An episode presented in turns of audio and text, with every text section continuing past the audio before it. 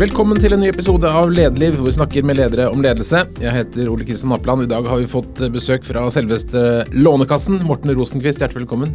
Tusen takk. Du er jo eh, lånekassesjef en stund til, og skal du bytte, bytte jobb ved nyttår. Det skal vi snakke om etterpå.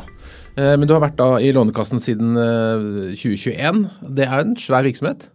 En stor virksomhet. Det er eh, 350 ansatte. Og så er vi jo Vi er jo en stor bank, så vi har 1,2 millioner kunder. Er du da Norges største bank? Ikke Norges største bank. eh, eh, vi har regna litt på det. Hvis, det mest faire er jo å snakke om lånebeløpene, da.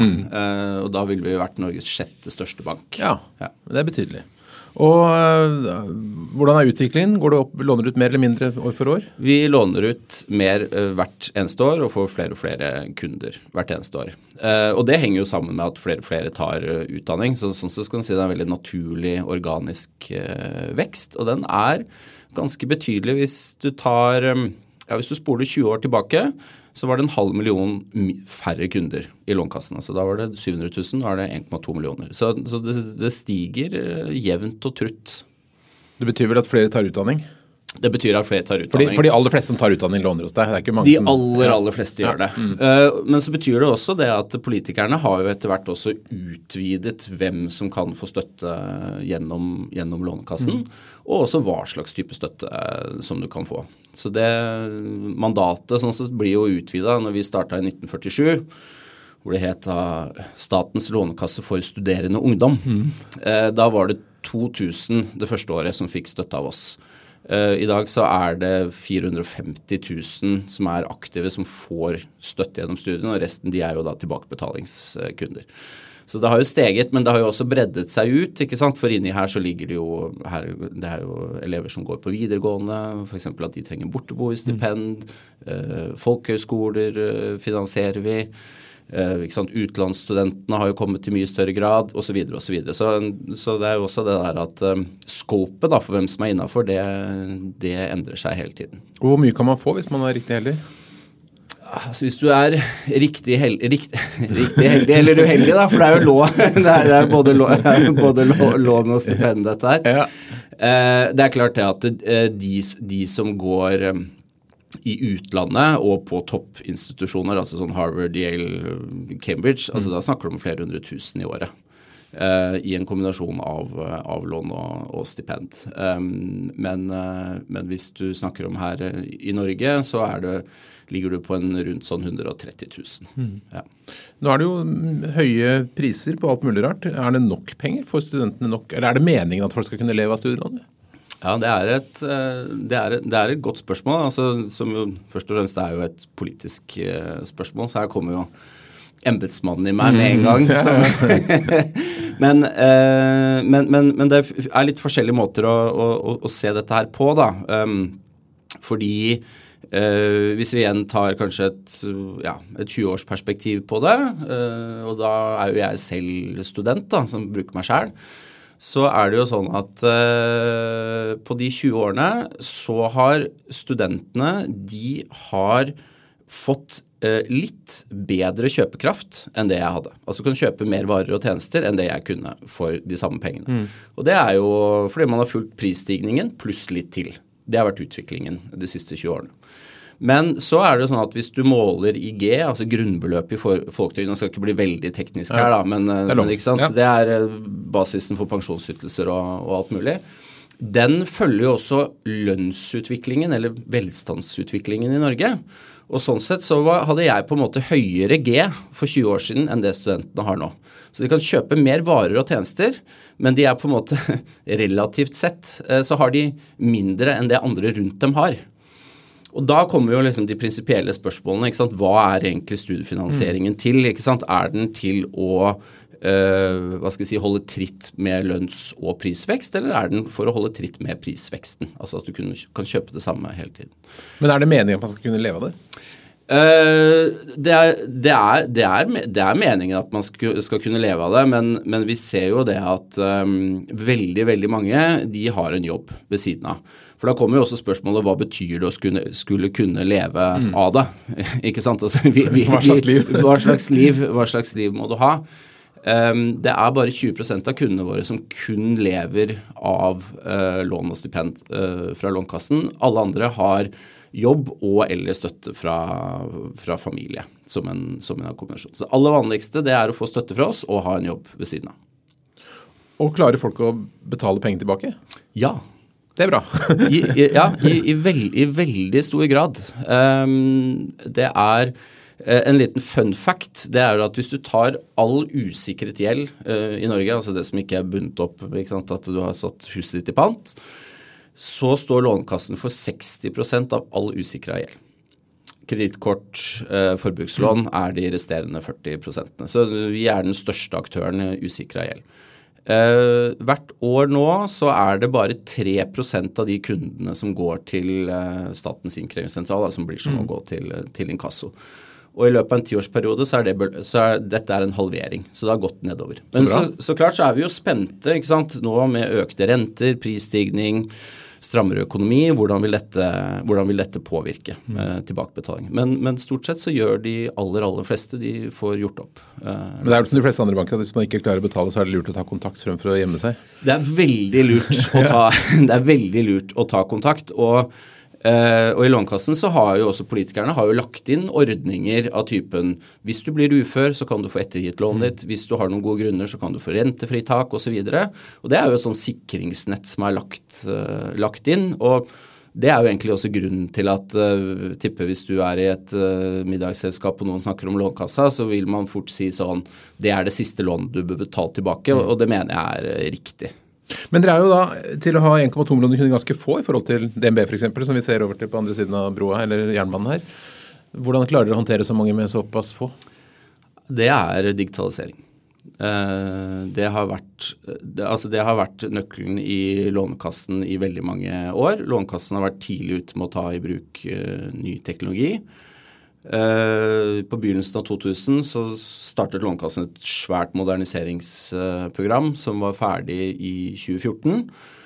Og når vi på en måte kom ut av det programmet, eh, og i tillegg da har lagt på litt ekstra, så er vi der at eh, tre av fire kunder de får sin søknad behandlet helmaskinert. Dvs. Si hvis jeg søker da f.eks. Om, om, om rentefritak, så går det bare rett gjennom. Uh, og så får jeg det inn uh, og bare ja, du har fått godkjennelse mm. eller søknad om lånestipend eller, eller hva det nå skal være.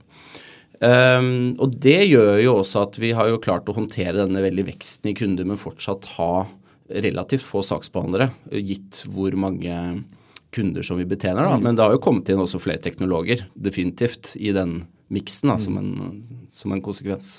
Så det er mye som uh, gjøres av maskiner, rett og slett?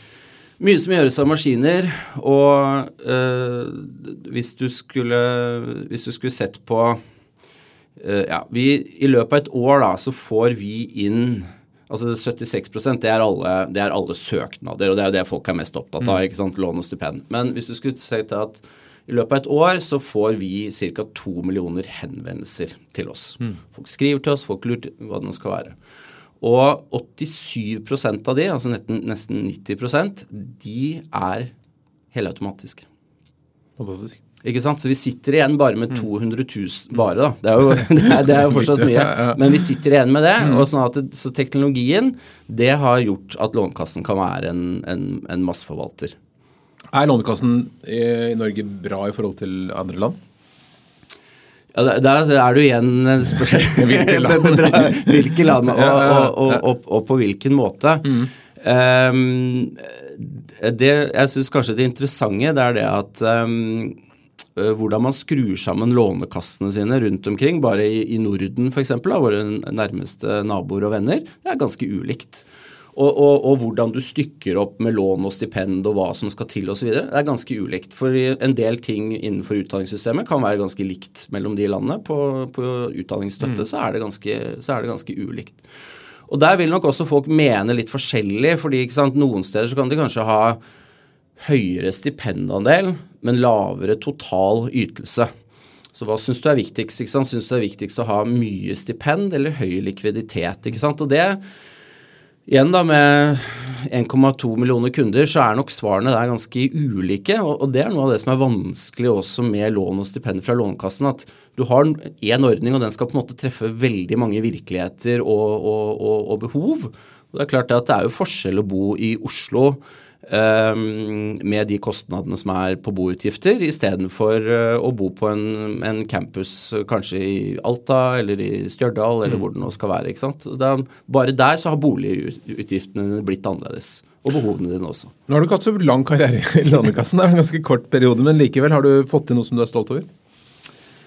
Um, altså det jeg er mest stolt av, det er at eh, vi nå lager en, en ny ordning eh, som skal gjelde for alle voksne som er i jobb. Mm -hmm. Altså Hittil så er jo Lånekassa er jo til for um, elever og studenter, da, ikke sant. Og det blir jo sånn type 16 til 24 er primærmålgruppen. Men hvis man titter litt i avisene, så ser man jo det hele tiden at dette med altså kompetansepolitikk, lære hele livet, hva skal vi leve av, vi må videreutdanne oss. Og, og, og, tanken her har jo vært det at en viktig komponent for voksne da, som skal videreutdanne seg, de har helt andre finansielle forpliktelser enn en 22-åring. Mm. Ta meg selv, da. 44 år, ikke sant. Jeg har hus og barn og forskjellige greier. Og da lager vi nå en låneordning som er tilpasset voksne som er i jobb. Og jeg skal ikke gå veldig inn på detaljene der, men den er rett og slett veldig mye mer fleksibel. Sånn at vi tror at det kan bidra til å faktisk stimulere folk til å ta videreutdanning. Da. Rett og slett tørre å ta videreutdanning, fordi du kan dekke et inntektstap. Så det betyr at man kan gå til sjefen sin og be om å få redusert stilling f.eks., og så kompensere Lånekassen litt? Grann. For eksempel. Og du kan jo også gå til sjefen din og si det at uh, hva om du betaler halve lønna mi, og så tar jeg resten som uh, lån fra Lånekassen. Mm. Så bra. Ja. Spennende. Uh, er, det, er det noe det har vært stor etterspørsel etter? Altså øh, Vi vet jo ikke, fordi dette, dette fins jo ikke ennå. Det er jo litt sånn problemet. Eh, men, men, men, det, men, det, vi jo er helt sikre på, da, det er jo det at øh, skal du titte inn i krystallkula, øh, så er det jo for Norge sin del som ja, Det er litt svulstig å si nasjon, da. men så er det jo det at eh, vi må jo ha et arbeidsliv som kommer høyere, høyere opp i verdikjeden. Mm. Og mye av nøkkelen til det vil være også kompetanseheving. Og I tillegg så går jo omstillingstakten går jo såpass raskt sånn at den utdannelsen som du har fra et eller annet gitt tidspunkt, den kommer til å være utdatert innen du er ferdig. ikke sant? Altså SSB sier at jeg skal jobbe til jeg er 72 for å få fulle rettigheter. Det er ganske langt arbeidsliv. Mm. Det er sett lenge. Men eh, for å holde oss på utdannelse, da, se på din. altså Du er, du er master i statsvitenskap og skrevet om russisk oljepolitikk. Kanskje ikke akkurat det du jobber med i dag. Men, men, så har jeg skjønt at um, du ble også preget av noe som skjedde før det, da du var med familien i, i USA. At det mm. påvirket din, ditt forhold til læring? Ja, veldig. Altså vi Da min, min stefar da jobber på, på, ambassaden i Washington DC, og da er, jo, er man jo på en sånn UD-ordning. Og da får man jo også lov til å gå på veldig gode skoler. Så jeg gikk på en kjempebra eh, videregående, og kom på en måte fra en sånn Hva skal jeg si Noe av det fineste med liksom norsk uh, skole er jo ikke sant, enhetsskolen og mm. fellesskolen og ikke sant, vi, Her er det plass til alle. Og så ble jeg jo kasta, så ble jeg jo liksom kasta inn i en sånn her super high achiever-sted. Og det var jo veldig omveltning da for, for, unge, for unge, Morten. Men, uh, men det er jo det jeg jo ble veldig bevisst på, var kanskje to ting. Det ene var hvor mye forskjell en lærer kan gjøre hvis han og hun liksom virkelig eh, elsker faget sitt og får lov til å utøve faget sitt. Eh, det opplevde jeg var veldig stor frihet for, eh, for lærerne. Eh, så klart innenfor masse rammer og sånn som jeg ikke så som elev, da, men, men i, der, i hvordan de formidlet, og hvordan de liksom fikk dette her til å, til å funke, både sånn pedagogisk og didaktisk, det, det, ja, det bare satt. Og det andre var jo det at jeg skjønte jo selv at oi, hvis jeg blir satt forventninger til, så går det jo mye bedre. Mm. Og, og, og, bare en sånn liten søt historie som illustrerer det. så kommer jo jeg fra mm, Dette er ikke sånn nedsnakking av utdanning i Norge på, på, på 90-tallet. Da skal jeg være forsiktig inn i min nye jobb. Ja. Men, men, ikke sant, jeg, jeg kommer fra en, en, tradisjon hvor det var litt sånn Ja, nå leser vi et dukkehjem, og så bruker vi et år på det mm. i, i, klassen, og så går vi og ser på teater etterpå. Og, og ingenting eh, feil med det, men, men, det traff ikke meg som, som 16-åring. ikke sant? Det ble, det ble et pliktløp. Og så brukte vi et år, og så var det helt greit. Og så kunne du dukke hjem, og så visste du hvorfor. Og så kom jeg på denne mm, high schoolen her, da, og så sier læreren til meg så sier hun det at ja, vi har jo hatt liksom sånn summer reading, og da har alle lest tre-fire bøker. Det blir jo liksom litt mye for deg, men øh, jeg vil gjerne at du leser én bok, og at du leser den på to uker. Og da var jeg sånn En bok på to uker! Det går ikke! Jeg, liksom, sist, og da tenkte jeg Men så plukket hun ut en bok, da, 'Catch Under Eye', husker du det veldig godt som passet og traff meg veldig godt. Så, og, og, da var det for meg å lese den på to uker og være interessert i den og oppdatert, øh, øh, opptatt av den mm. og, og, gjøre analyser og alt mulig sånn. Det var mye lettere. Og akkurat den veien inn der til læring, da, altså rett og slett der å vekke en sånn gnist i meg som, som ung og, og formbar, det, det, har satt spor. Mm. Og så ble statsvitenskap, var det med da et ønske om å bli stor i byråkratiet? Uh, nei.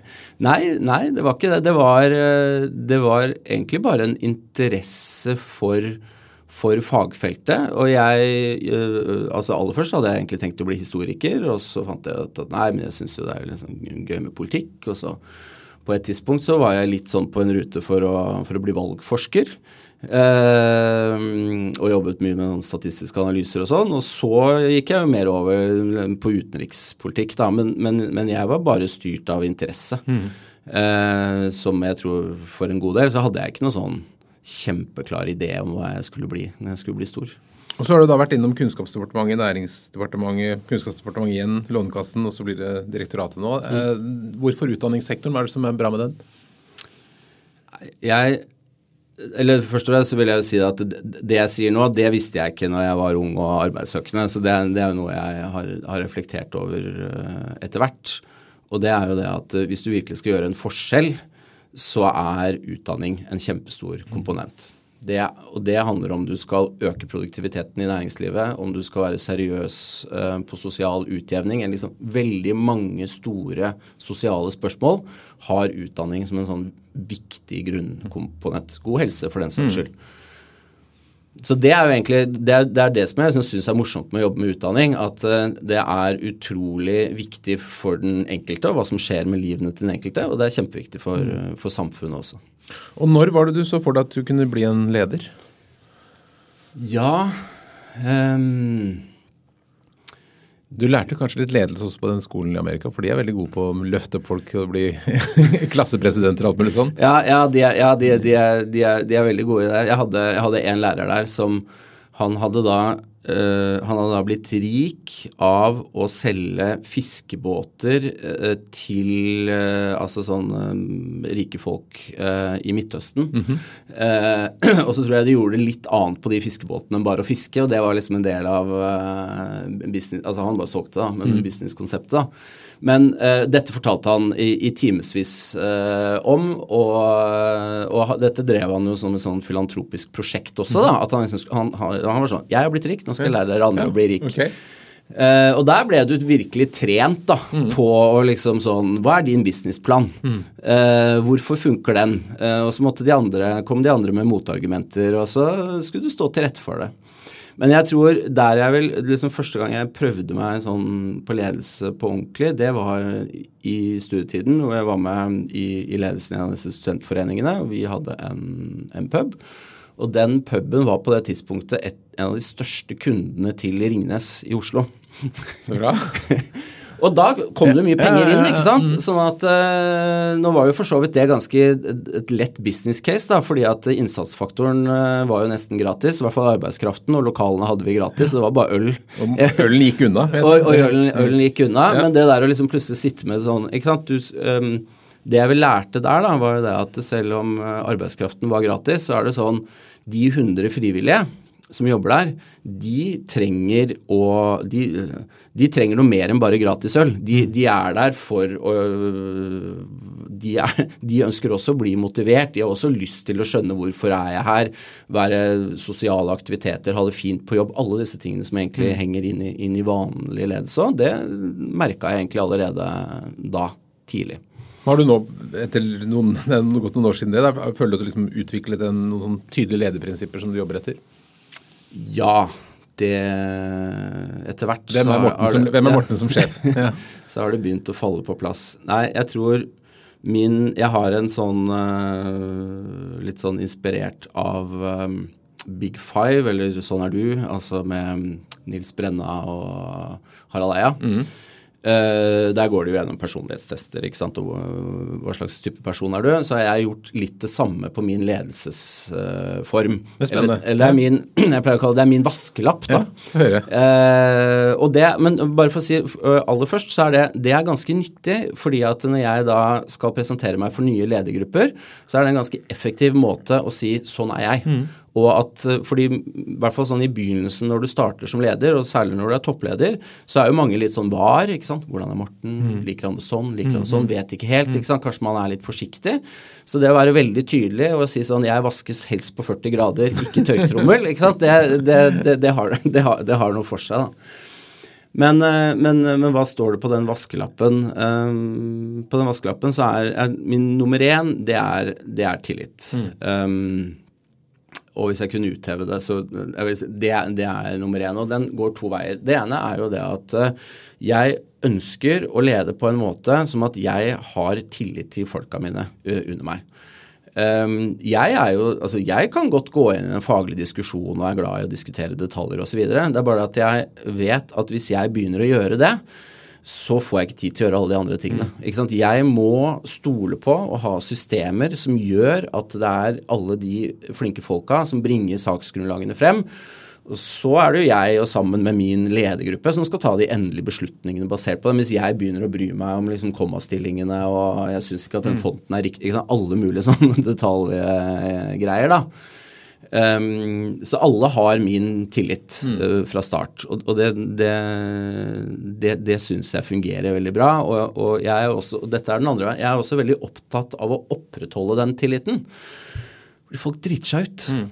Og da er det sånn, da vil jeg også at folk skal ha tillit til meg og kunne komme og si vet du, Morten, det der gikk skeis, mm. eller vet du, her mangler vi fem millioner, eller her er det sånn og sånn, vi har tenkt litt uh, feil. Så kom til meg med mm. problemene. Og da må jo de også ha tillit til meg, at jeg er fair.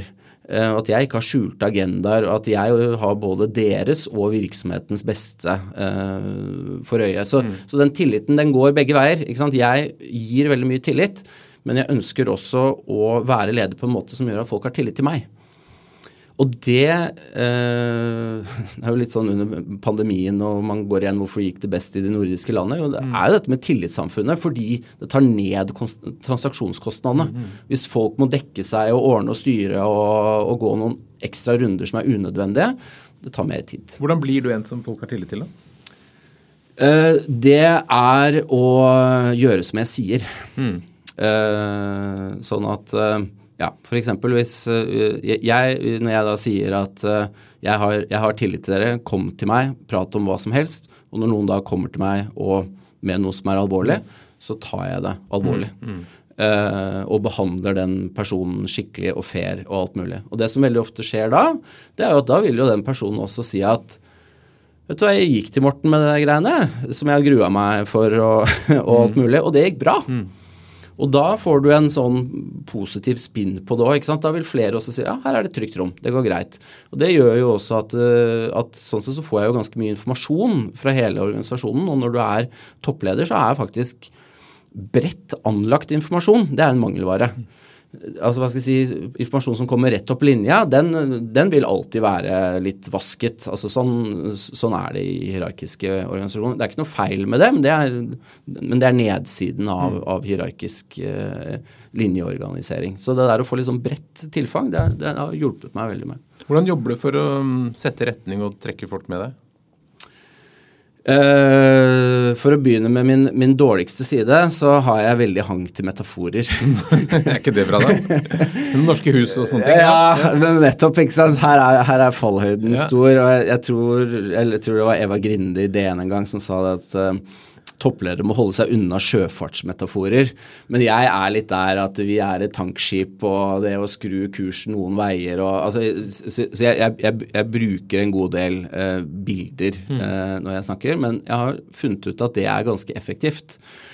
Um, og så må det jo brukes med litt selvironi og, og, og humor og, og, alle disse tingene, men uh, ja. Har du brukt en metafor i Lånekassen nå? Uh, masse. Tankskip? tankskip, er, tankskip er brukt. Um, Siste, siste jeg driver og Det er det jo ingen i Lånkassen som har hørt, altså nå får de høre det her først. her hos deg. Nei, det siste jeg tenker på nå, det er jo litt sånn når du skal tenke på um, hvor, hvor skal vi, si det at det er Lånkassen, Det er, um, er litt som en sånn derre um, uh, Hvis du tenker på hvor vi skal i fremtiden, tenk på det som byplanlegging. Det står en del hus uh, rundt omkring. Det er noen tomter er uregulerte, noen, det er masse bindinger på noen ting osv. Og, så mm. og så er det jo det å faktisk forstå helheten og sammenhengen i det reguleringsbildet, og i det finne noen muligheter. Og da ha en plan, fordi at du bygger ikke Bjørvika, som vi sitter og ser ut eh, på nå. Det bygger du ikke på en dag og ikke på et år, og det kommer vel til å ha 20, ikke sant. Og det er den tiden det tar for å få til store endringer. Men det er noen som har tenkt veldig klokt og langsiktig. Så, ja, så sånne ting, eh, det, det faller jeg, jeg faller litt lett i en metafor. Mm. Og min ledergruppe plager meg med det òg, så nå kommer enda, kommer enda, et bilde. Men er du da sånn som velger et bilde og så holder fast på det år etter år og jobber med det? Uh, nei, jeg er vel mer sånn som velger meg et bilde, og så bruker jeg det kanskje et par måneder, og så uh, føler jeg egentlig litt sånn for fornyelsen at jeg må finne på noe nytt. Mm. For etter hvert så, så blir det litt kjedelig. Det er der De politikerne som har vært i lederliv, sier at da må du bare holde på, du må bare stå i det. For selv om du er lei, så er det ingen andre som er lei. Så det er en interessant diskusjon. akkurat det der. Ja, men hvis, hvis jeg skal ha en kommentar på det fordi, mm. uh, For det er jeg helt, det er helt enig i. Hvis, hvis, du skal få til endringer, så må du si de samme tingene hele tiden, mange ganger. Jeg har f.eks. støtt på veldig mange ledere som, som er lei seg da, for at uh, det ble ikke sånn som jeg hadde tenkt, og medarbeiderne de Jeg har sagt det, men mm. de hører ikke etter og sånn. Det er vel mer regelen enn unntaket, tror jeg. Ja. ja, ikke sant. Og så, ja. Og så sier jeg ja, hvor, hvor, ofte snakker du om dette? Nei, men jeg, dette sa jeg jo på avdelingsmøtet. Mm -hmm. Det er en sånn klassiker. Og da pleier jeg å si da at eh, nei, du må si det så mange ganger at du kjenner at du får litt sånn lyst til å kaste opp i munnen mm. av at du har sagt Da har du begynt å si det mange nok ganger. Mm. Men så er det dette med på en måte bildebruken og alt mulig. Det er jo Det er mer garnityr for å gjenta det samme budskapet. Mm. Ikke sant? Det, det er, pakke det på ulike måter. Det er pakke, pakke det mm. på, på, på, ulike måter. Og, og, og det, er det, det, har jeg funnet ut at, at, fungerer bedre. Fordi folk blir litt sånn lei av det tankskipet når de har hørt om det 17 ganger. Men det at Lånekassen trenger å ta grep i tide for å fortsatt ligge i front på digitalisering, mm. det er sånn som jeg sier en milliard ganger. Men jeg kan pakke det inn på litt mm. ulike måter. da, Fortelle litt ulike historier rundt det. Mm. Er det noen spesielle opplevelser som du føler liksom har formet deg som leder? Ja, jeg tror, jeg tror den opplevelsen som har formet meg mest, det var jo å gå fra hva skal jeg si, sånn vanlig mellomleder til å bli toppleder. Mm. Um, Når var det? Da er vi Skal vi se, da er vi i 2016. Mm, mm. Ja.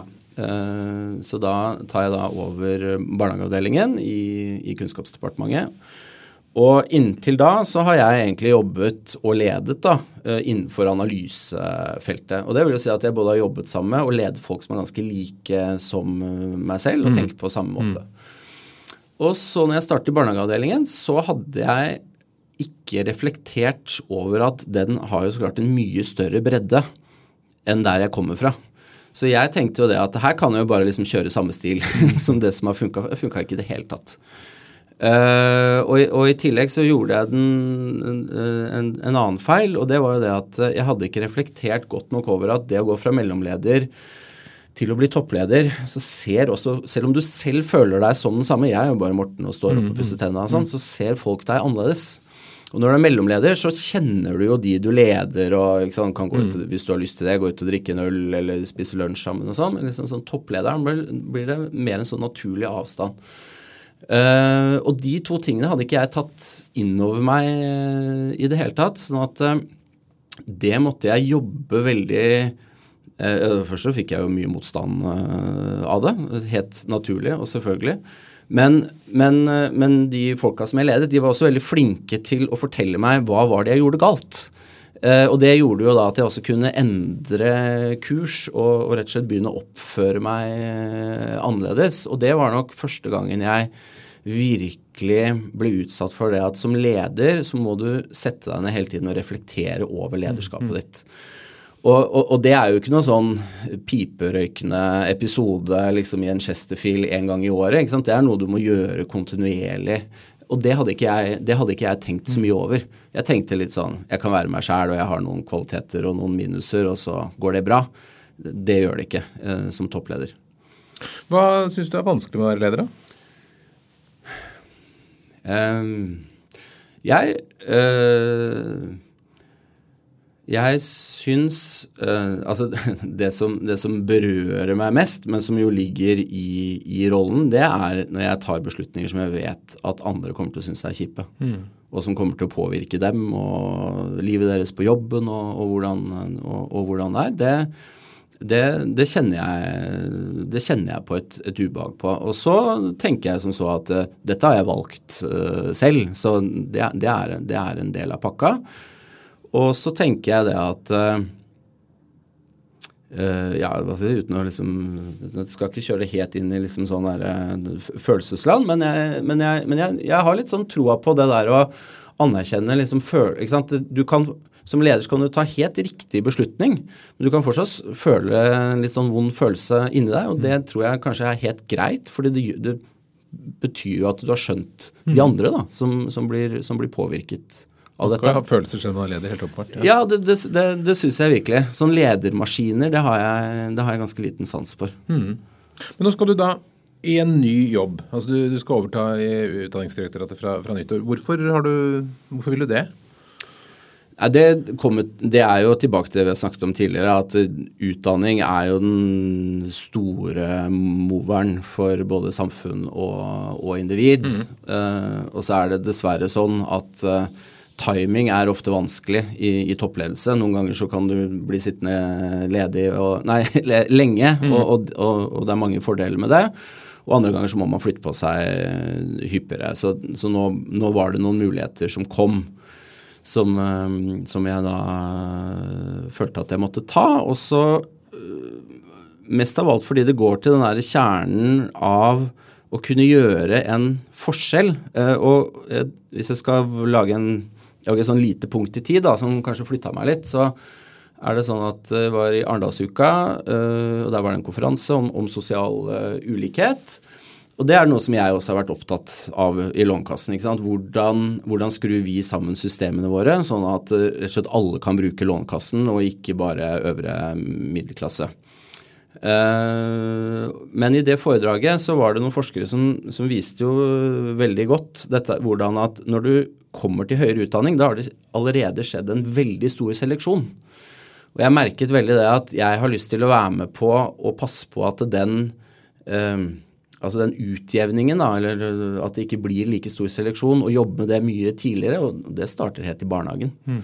Og Utdanningsdirektoratet har jo hele løpet, alle barnehagene, eh, barneskole, ungdomsskole og, og, videregående. Så liksom kunne jobbe gjennom det lange løpet der, det har jeg, har jeg veldig lyst til. Og så sa du da i pressemeldingen som gikk ut for kunngjøret at de har høye ambisjoner for både for direktoratet og for barn og unges læring og læringsmiljø. Hva Kom igjen! Hva, hva er ambisjoner? Det er jo alltid flott å, å, å komme med programerklæringene sånn før, før, før, man har starta. Um, jeg kan jo si det at um, Uh, altså politikken Nå er jeg jo igjen en kjedelig embetsmann, men ja. det må jeg være noen ganger. ikke sant? Politikken, det er det politikerne som, som bestemmer. Uh, min oppgave som direktør for Utdanningsdirektoratet, det er jo å sørge for både en veldig god implementering av den politikken, og eh, sørge for å gi departementet veldig gode råd om hva som bør være politikkutvikling. Alltid politikerne som bestemmer, men litt sånn som vi har snakket om, om faktagrunnlag og hva kommer til deg mm. og beslutningsgrunnlag og sånn. Det, å, å, gjøre de to jobbene der veldig godt, det er jeg eh, superopptatt av. Uh, og for å utdype litt, så er det sånn når det gjelder implementering, så har vi jo sett det at i, innenfor utdanning, hvis du virkelig skal gjøre store endringer, så tar det en rundt ti års tid fra du begynner å tenke på noe, og så er det noen år med, med utredning, eh, og så da politisk diskusjon. Og så er det kanskje en seks års tid, fem-seks års tid med implementering før du får full effekt mm. av det du skal gjøre. Uh, og dette er veldig store systemer, så derfor skal du jo faktisk utrede en god stund fordi du skal være sikker på at de endringene du gjør, har den effekten som du ønsker deg. Og når du først er sikker på det, så skal du også bruke de ressursene som trengs for å få det implementert. Fordi det er veldig lett å, å tenke sånn Ja, men nå har, nå har, vi jo skrevet en strategi, eller vi har skrevet en stortingsmelding og sånn. Så er det sånn der, ja, det er, det er 3500 skoler i Norge. Det er 6000 barnehager. For at det skal nå helt ut dit og få varige endringer, det krever veldig sånn langsiktig jobbing. Uh, og liksom sørge for den der, altså veldig høy kvalitet på implementeringen. Det er en av ambisjonene mine. Og den andre ambisjonen, det er jo også det at og her er det en tilbakemeldingsloop òg. fordi at idet du gjør implementeringer og er tett på sektoren, så oppdager du jo mange ting som er feil og som du kan endre på, i tillegg til at du sitter på et sentralt kunnskapsgrunnlag. Det er å gi gode råd til politikerne. Så når du både får gode råd for politikkutviklingen og en skikkelig implementering av politikken, da føler jeg at uh, man får vært en uh, ekte byråkrat. Nå har vi hatt lærerstreik i høst. Det er mange lærere som har vært flinke til å fortelle at alt er dårlig i skolen. Masse, ingen har kompetanse, og det, folk forsvinner ut. Så hva, hvordan, hvordan, tenker du at den eh, kampanjen der påvirker skolens omdømme? Ja, det tror jeg ikke jeg skal si noe om før jeg har starta, eh, egentlig. Eh, nei, jeg tror jeg lar den ligge. Ja, kanskje, kanskje, klokt. Men, men øh, når du skal da gå i gang med en helt ny møter på kontor du aldri har mm. vært på før, møter en ny ledergruppe. Altså, hvordan, hvilken strategi har du for å måte, ta plassen din og sette deg inn i den jobben? Nei, første er å vise fram vaskeanvisningen. Mm. Og det, det, har jeg allerede, det har jeg allerede gjort. Eh, sånn at folk kan forberede seg litt på, på, på hvem er jeg. Um, så har jeg hatt veldig god nytte av uh, å snakke med mye folk. Og, og, og, snakke litt sånn systematisk med folk. F.eks. I, i, i Lånekassen så har jeg hatt et opplegg hvor jeg liksom jevnt snakker med uh, ja, saksbehandlere, med folk som sitter på kundesenteret, hva ringer kundene om, uh, om nå. Ha medlytt, altså sitte og mm. høre ting direkte. Um, I Lånkassen, også sånn som jeg fort kan tenke meg å videreføre, så møter jeg f.eks. alle nyansatte en gang i måneden. da. Samler de og litt mm. sånn 'Hvorfor søkte du jobb her? Hva er motivasjonene dine?' Um, og, og, fra en del sånne type strategier, samtidig som jeg jo da jobber hele tiden gjennom ledergruppa, så får du ganske godt informasjonstilfang. Og da blir det mye lettere også å se ok, hvor butter det? Hva er det vi trenger å gjøre noe med? Uh, hvor er vi gode nok? Uh, og så selvfølgelig hele tiden, når du er um, direktør i et direktorat, så må du sjekke det opp mot politikken. Altså at dette henger sammen. Mm. Det er jo noen sånne steder å begynne. Når det er en åremålsstilling du har fått, seks år, er det nok? Får, du gjort noe på seks år? Ja, jeg syns det, det, er veldig bra ja, at de statlige stillingene har, har de åremålsstillingene. Mm. Og det er jo mulig å få seks nye år, men da er det etter en, det etter en vurdering. Og jeg tenker at som toppleder, fem-seks år, så bør du ha resultater å vise til. Kommer du til, du skal ikke slippe å gjøre det nå, men kommer du til i løpet av den første tiden å lage deg en sånn liste disse tingene skal klare i løpet av de seks årene? Ja. Det gjør jeg alltid. En, men, men, jo, men, den lista er jo også dynamisk. Eh, ikke bare sånn at man, man, man krysser av på det, men, men, det du etter hvert forstår, det er jo det at kanskje problemstillingene, da, eller de tingene du har lyst til å fikse, de ser litt annerledes ut etter hvert som du får sett mer på det og får en større mm. bredde. Og Det er en ting som jeg er opptatt av, at eh, man skal ikke binde seg for hardt til masten på å oppnå egne mål. Du må være fleksibel hvis du plutselig sånn Oi, jeg har egentlig litt feil mål. Mm. Da må du endre målet. Og så skjønner jeg at ikke vil komme med programerklæring nå, men hvilke områder Du har sagt du er opptatt av analyse og data. Sånn, hvilke områder innenfor utdanning er det du kan tenke deg å kikke litt nærmere på? Um, uh, litt sånn ut fra bakgrunn så er det jo sånn at uh, jeg uh, Jeg har jo før jobbet med barnehager, og jeg har jobbet med videregående. Så jeg har jobbet med si, to litt sånn ytterpunktene mm. av det Utdanningsdirektoratet jobber med. Eh, jeg har jobbet en, en, god del med barne- og ungdomsskole òg, men ikke like mye. Så det er egentlig det er liksom det første området som jeg sånn ordentlig må sette meg, sette meg inn i. Mm. Og det er jo her de er jo veldig mye barn mm. uh, og elever mm. i, den, i, den, gruppa. Og, og, det er jo også en sånn gruppe hvor du kan tenke deg, tenk deg den forskjellen som er på en førsteklassing som kommer inn, ikke sant, kanskje bare er fem år og du går ut eh, som en tiendeklassing, mm. eh, ungdom, og skal videre i livet, og den liksom, reisen som skjer inni der med mm. de forskjellige overgangene, eh, både med hva som skjer med deg selv som person, og ikke minst den faglige progresjonen som du skal ha inni der, og, og, og sette meg inn i dette her. Og også sånn derre Jeg er litt opptatt av overganger, eh, fordi eh, mange ganger så kan man med store systemer da, så blir det jo veldig lett å si sånn denne, denne, delen av systemet her, den har jeg kontroll på og gjør kjempebra. Og det, kan det være helt riktig. Men veldig ofte så er det sånn at den store verdien kan handle om å, å sikre en god overgang. Altså sånn derre Eh, sagt annerledes, det hjelper ikke at um, barneskolen er perfekt hvis uh, overgangen til ungdomsskolen ikke funker i det hele tatt. Og mm. Nå sier jeg ikke at det er sånn, mm. men det er bare en, en, en, en illustrasjon. Mm. Og ikke minst der det jo skjer et skifte fra ungdomsskolen til videregående. Ikke sant? Helt nytt skoleslag og skoletyper som man, man, går inn på. Og videre ut i livet et, etter videregående. Og, og, og, se liksom helhet og, og sammenheng, det syns jeg er en viktig ledergjerning. Uh, og det heter jo toppleder, og du ser bedre fra toppen. Mm. Uh, og det syns jeg også er veldig viktig at man er, liksom, erkjenner den besøkelsestiden. At ja, jeg har et ganske godt utkikkspunkt, og da skal jeg liksom søren klype også faktisk se bredt utover da, og se er det noe jeg kan fikse her, hvor er, det, det, hvor er det ting butter. Fordi det er det jo helt umulig når du sitter lenger ned i en organisasjon og jobber med deg og ditt, og bare har ansvar for mm. det. Totalansvaret er mitt. Mm. Hvis du skal gi tre råd til folk som skal bli gode ledere, da, kanskje spesielt din, i og med at du er veldig god på offentlig sektor, eh, eller hvor som helst. Hva, hva vil dine tre beste lederråd være?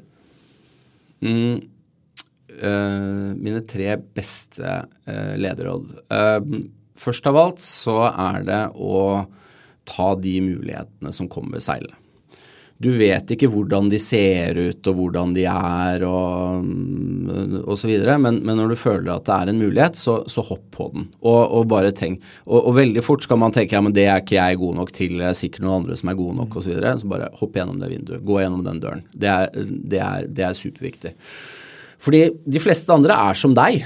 De har noen ting de er gode på, det er noen ting de er dårlige på, men idet du liksom hopper ut av det vinduet og f.eks. blir prosjektleder, da, det er jo mange som har som sin første lederstilling, så lærer du deg også en god del ting som kvalifiserer deg uh, for din neste lederstilling og, og, og din neste lederstilling. Så det er kanskje mitt aller liksom, viktigste råd. Ta de mulighetene som kommer.